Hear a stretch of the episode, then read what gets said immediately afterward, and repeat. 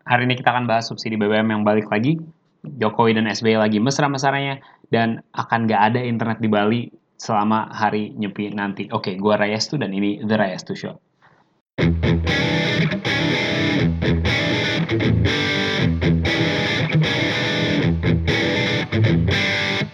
Selamat datang di edisi perdana episode 0 dari The Raya Show, podcast baru yang akan membahas isu terkini, ekonomi, politik, internasional, budaya, atau apa pun lah yang gue pengen kalian juga ikutin kayak gue. Nah, gue pengen banget denger pendapat lo semua, jadi langsung komen aja, apalagi kalau nggak setuju, karena semakin banyak yang nggak setuju sama gue, nanti makin asik lagi obrolannya. Oke, kita mulai aja ya.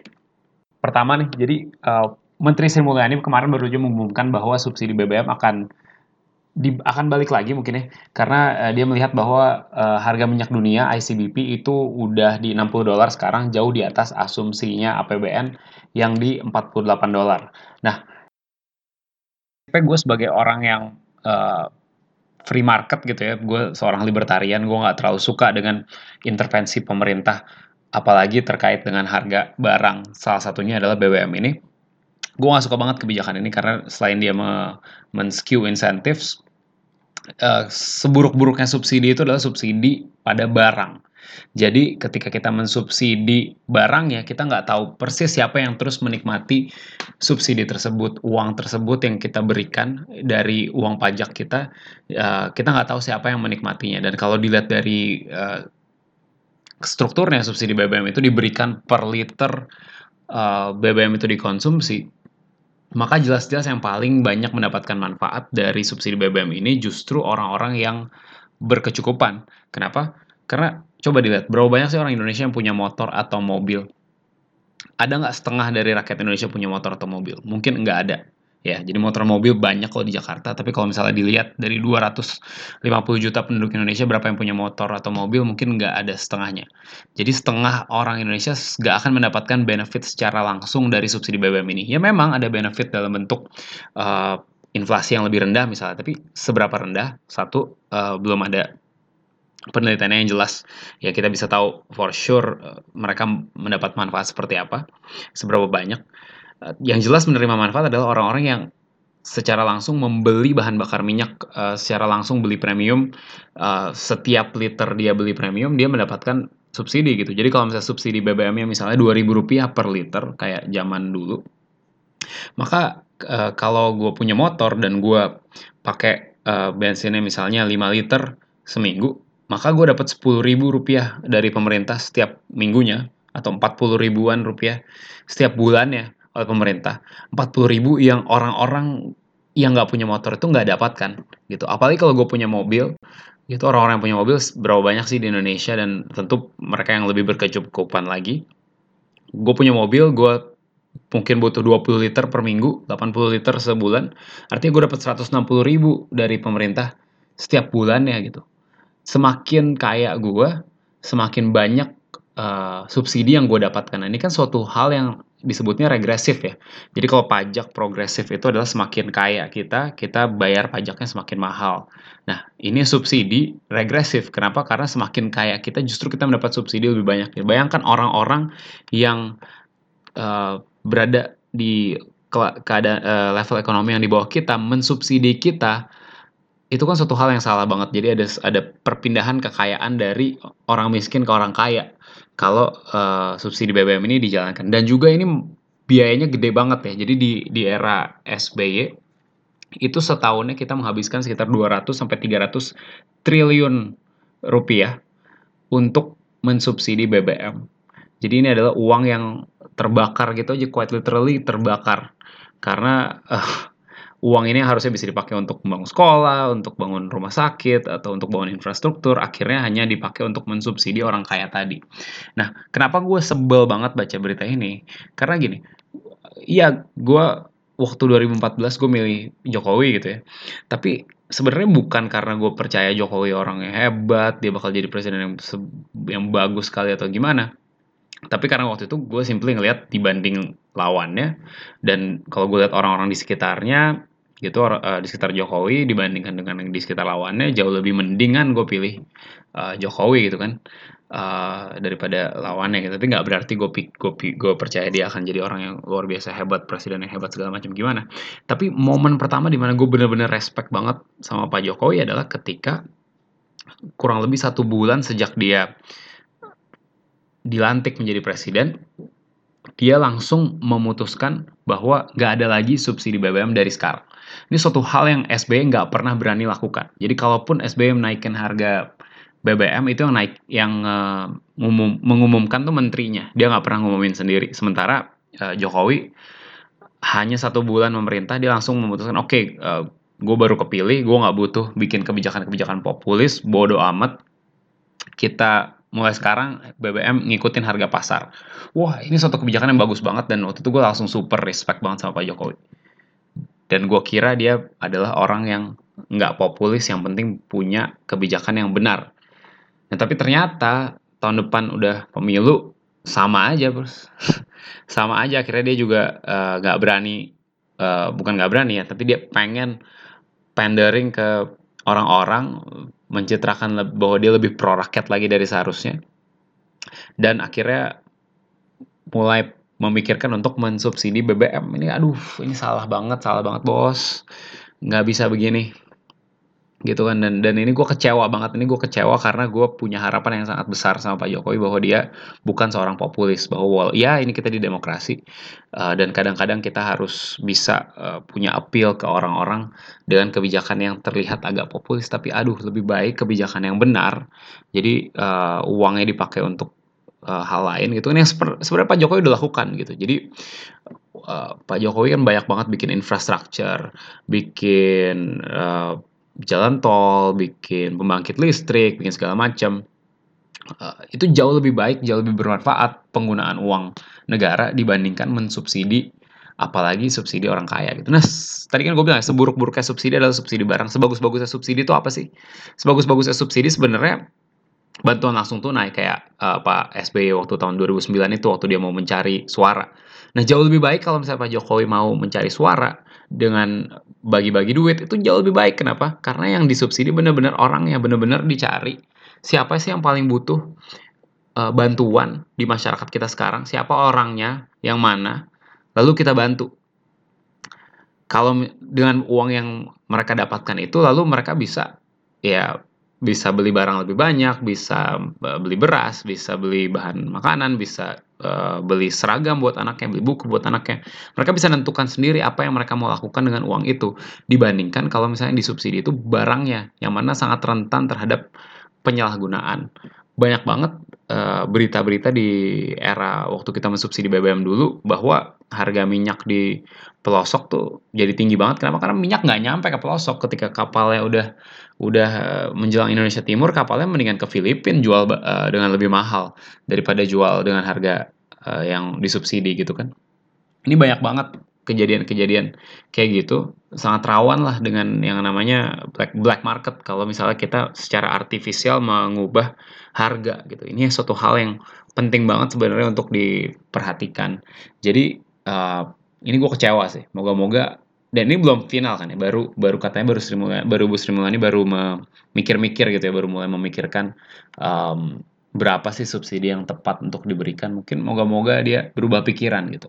Kalau mau memang harus melakukan perpindahan harta dari satu orang ke orang lain yang paling benar adalah direct cash transfers bukan mensubsidi barangnya. Oke okay, uh, isu berikutnya.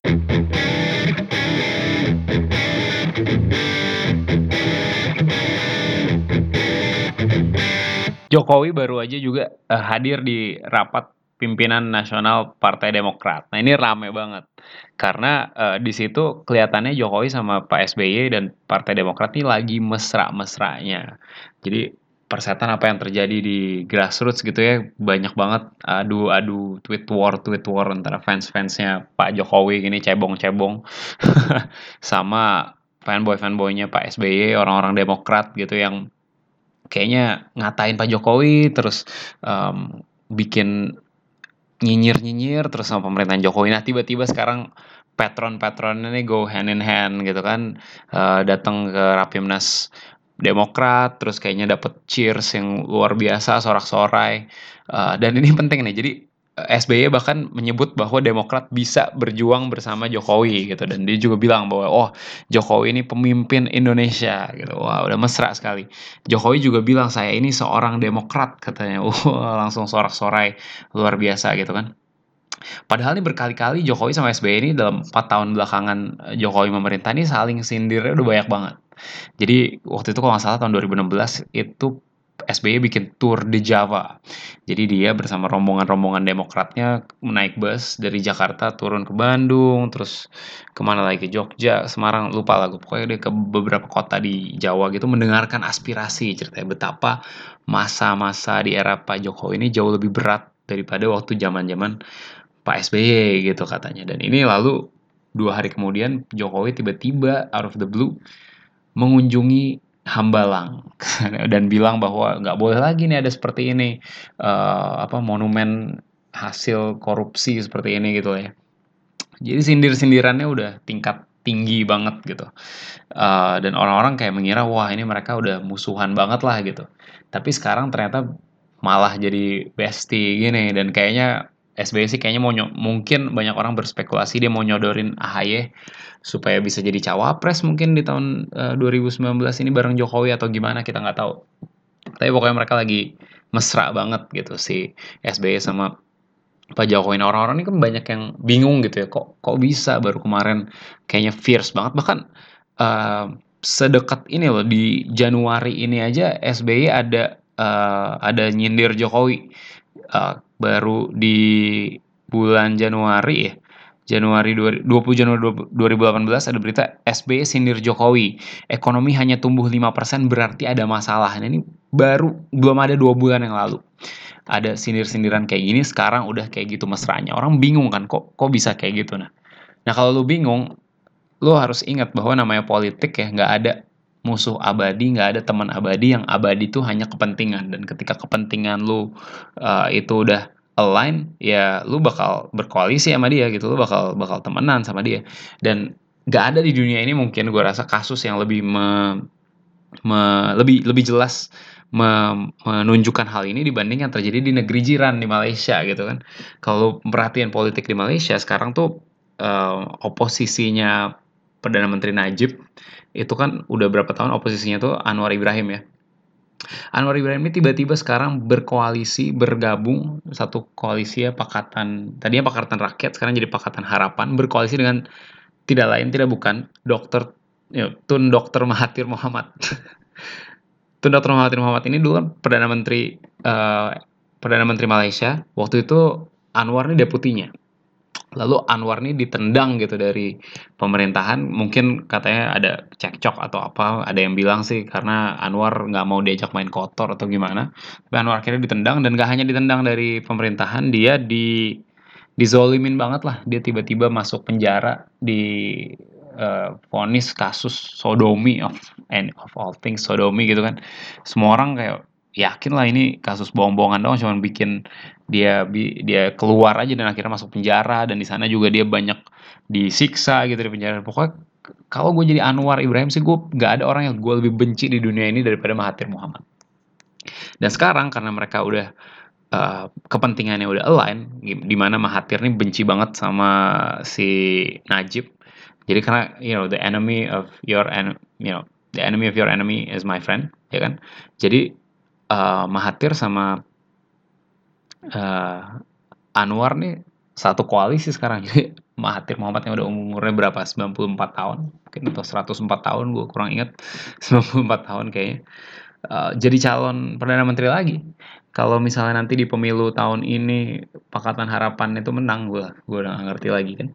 Tapi maksud gue poin gue adalah gini kalau Mahathir sama uh, Anwar aja bisa baikan kalau kepentingannya sama, iya apalagi cuman sebatas sindir-sindirannya Pak Jokowi gini doang, Pak Jokowi sama SBY. Ya mungkin banget mereka berkoalisi nanti atau atau temenan lagi. Ini namanya cuman politik gitu kan. Nah, dan ini kenapa lebih mungkin lagi terjadi di Indonesia adalah karena politik di Indonesia tuh nggak berbasiskan ideologi gitu. Di Indonesia politik hanya berbasiskan figur. Gue suka Demokrat karena gue suka Pak SBY gue suka PDIP karena gue suka Jokowi atau Megawati. Gue suka Gerindra karena gue suka Prabowo. Gue suka uh, siapa lagi? Nasdem karena gue suka Surya Paloh mungkin. Gitu. Jadi nggak berbasiskan ideologi. Nggak berbasiskan gue sukanya adalah pemerintah nggak banyak mencampuri hidup gue maka gue pilih partai X. Nggak ada yang kayak gitu. Gue sukanya pemerintah mengurusi segala hal. Atau gue pengen pemerintah pajaknya nggak tinggi tinggi nggak ada yang kayak gitu-gitu. Jadi buat partai-partai ini gampang sekali untuk uh, pindah haluan dan akhirnya berkoalisi dengan yang tadinya musuhnya dan meyakinkan kepada pengikut-pengikutnya bahwa selama ini emang kita musuhnya itu si A kok bukan si B. Ini Orwellian banget ya kalau diingat-ingat ini 1984 Animal Farm type shit banget ya. Jadi kayak oh everything has always been well between us. Um, kita dulu musuhnya si si X kok all along, padahal baru dua bulan yang lalu sindir-sindirannya masih Y. Itu mungkin banget terjadi di Indonesia, apalagi karena nggak ideologis gitu. Ya, um, dan ini dua dua figur yang paling paling menunjukkan bisa banget di Indonesia kayak gitu, gak lain gak bukan ya Ahok dan Anies ya pindah-pindah partai kayak apaan tahu ya Ahok dulu dari partai Indonesia Baru terus ke Golkar terus di Jakarta diajuin sama Gerindra terus keluar dari Gerindra musuhan. Anies juga dulu uh, apa ya pertama masuk Demokrat ya. Pertama masuk Demokrat jadi calon presiden waktu itu di konvensi-konvensian abal-abalnya Partai Demokrat kemarin. Terus abis itu dukung Jokowi lah terus abis itu pindah lah ke kubu lawannya lagi dan orang lupa gitu orang nggak ada yang peduli dengan masa lalu gitu. Jadi wajar-wajar banget kalau ini terjadi di di politik Indonesia gitu. Jadi uh, kita lihat aja lah ya di 2019 eh, nanti bisa jadi malah Gerindra sama PKS juga bakal dukung Jokowi ini. Kita lihat aja nanti ya. Coba kita perhatikan dulu. Oke isu berikutnya yang terakhir di hari ini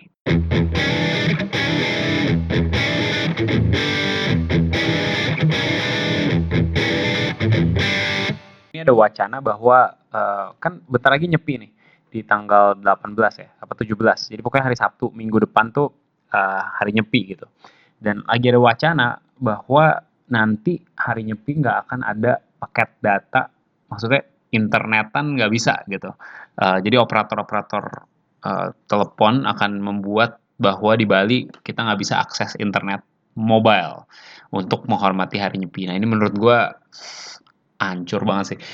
Ini ada satu hal yang, oke, okay, mari kita bahas hari nyepi ya. Gue nggak suka banget fakta bahwa di Bali itu hari di hari nyepi orang nggak boleh keluar rumah, nggak boleh uh, buka toko, nggak boleh uh, naik mobil, uh, lalu airport bahkan tutup, nggak um, boleh ada restoran yang buka. Tadi gue udah ngomong belum ya, um, harus matiin lampu segala macam segala macam.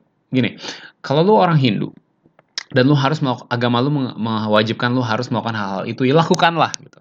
Tapi nggak perlu menggunakan negara untuk meng, meng, membuat aturan agama lu itu bisa dijalankan semua orang bahkan orang-orang yang nggak menganut agama lu. Gue bilang hal yang sama ketika di bulan puasa misalnya ada perda-perda yang membuat orang nggak boleh buka warung di siang hari atau uh, tempat-tempat hiburan harus ditutup. Gue bilang hal yang sama, gue nggak suka aturan-aturan kayak gitu. Kenapa? Karena itu artinya meng menggunakan aparatur negara yang mana dibayar dari uang pajak semua orang untuk mengenforce peraturan agama lu doang. Yang mana belum tentu semua orang di agama lu juga uh, mau jalanin dan juga meng berimpact ke orang-orang yang bukan even berasal dari agama lu dan ini enggak dan dan dua tempat di Indonesia yang yang ini sangat evident itu salah satunya di Aceh dan yang kedua di Bali di hari nyepi. Jadi menurut gue salah banget lah bahwa bahwa orang-orang tuh dipaksa untuk nggak boleh melakukan hal-hal yang mereka biasa lakukan uh, hanya karena sebagian orang harus stay di rumah menurut agama mereka gitu. Ini menurut gue nggak masuk akal.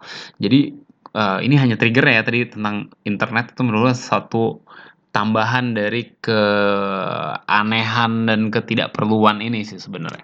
Uh, dan menurut gua sama sekali tidak tidak perlu dan tidak boleh pemerintah bekerja sama dengan fundamentalis agama untuk menjalankan peraturan untuk mewajibkan orang menjalankan peraturan agama.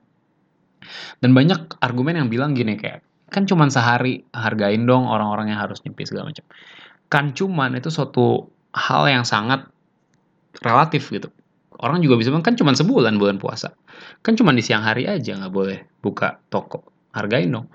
Sama aja nggak ada nggak ada bedanya gitu. Kita nggak bisa bilang nggak buat nyepi nggak apa-apa dan buat bulan puasa nggak boleh. Nggak bisa. Itu itu nggak konsisten dan dan argumen itu nggak akan hold up lah intinya gitu.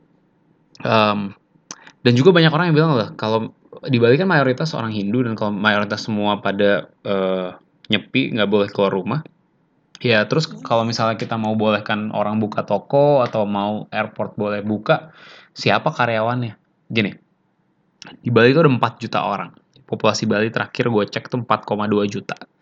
Populasi Bali yang beragama Hindu tuh berapa? 80%. Artinya ada 20% orang Bali, sekitar 800 eh, ribu sampai sejuta orang yang bukan orang Hindu.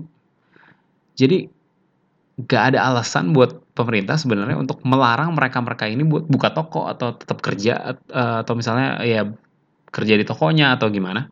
Atau nggak ada alasan buat orang-orang ini nggak boleh liburan nggak boleh ke pantai nggak boleh apa. Namanya pemerintah punya kewajiban untuk memastikan bahwa public services tetap jalan, polisi tetap ada, hal hal-hal lain kebutuhan umum, uh, pelayanan umum tetap dilaksanakan gitu. Ini kewajiban pemerintah nggak berarti karena 80% orang harus tetap di rumah maka uh, ke, semuanya itu nggak dilakukan gitu. Dan kalau misalnya um, airport misalnya, uh, terus gimana? Angkasa Pura itu satu perusahaan yang sama dengan yang menjalankan airport di Banyuwangi, di Surabaya, di Lombok, di sekitarnya. Ya, kalau memang karyawan-karyawan lokal nggak bisa masuk, ya assign lah karyawan-karyawan dari daerah daerah-daerah sekitarnya. Itu kan suatu hal yang sangat biasa ketika ini kita bicara pelayanan publik ya. Uh, apa bedanya sama kalau misalnya lagi uh, apa musim mudik gitu orang mau pulang kampung, lalu di sepanjang titik-titik Pantura gitu banyak polisi-polisi kan nggak berarti semuanya polisi dari daerah setempat kan banyak juga polisi yang di assign dari asalnya dia dari Jakarta atau dari Bandung atau dari mana di assign ke titik-titik rawan itu kan satu hal yang normal karena itu satu institusi gitu. Ini sama juga angkasa pura kan satu institusi dengan yang meran airport airport sekitarnya. Kenapa nggak bisa? Sebagian orang ditawari untuk uh, seminggu ini atau beberapa hari ini selama ada minggu nyepi untuk diperbantukan di airport uh, Ngurah Rai gitu. Kan bisa aja itu bukan argumen juga dan menurut gue ini sudah saatnya sih bahwa pemerintah bilang bahwa ini nggak nggak konstitusional nih nggak boleh nggak boleh sebenarnya. Uh, orang jadi dilarang berkegiatan uh, kebebasannya dirampas uh, dilarang keluar rumah bahkan. Ya pokoknya ke kebebasan kita di jadi hilang gitu. Hanya karena uh, harus mengikuti kemauan dari fundamentalis agama tertentu. Jadi kita harus konsisten kalau kita nggak nggak mau itu terjadi di uh, perda-perda syariah di banyak daerah atau kalau kita nggak setuju dengan praktek-praktek yang dilakukan di Aceh kita juga nggak boleh setuju dengan yang dilakukan di Bali di hari nyepi gitu jadi moga-moga mulai dipikirkan lah moga-moga dengan adanya wacana nyepi tanpa internet ini orang jadi mulai nyadar bahwa nggak bener nih semuanya nih nggak bisa nih kayak gini gitu ya kita hormati orang yang harus menjalankan ke kewajiban agamanya tapi nggak berarti orang yang tidak mau diwajibkan juga melakukan hal tersebut. Oke. Untuk episode pertama kita kali ini cukup sampai di sini. Moga-moga cukup menarik dan again, kalau ada yang tidak setuju atau kalau setuju juga nggak apa-apa, komen aja langsung. Gue pengen dengar semua pendapat uh, pendapat lu dan kita bisa uh, diskusi dengan lebih menarik lagi di uh, kali berikutnya. Moga-moga uh, The Rise to Show ini bisa jadi uh, podcast yang rutin dan serius dan um, stay tuned. Moga-moga kalian suka. Oke, okay. uh, sampai kali berikutnya. Bye.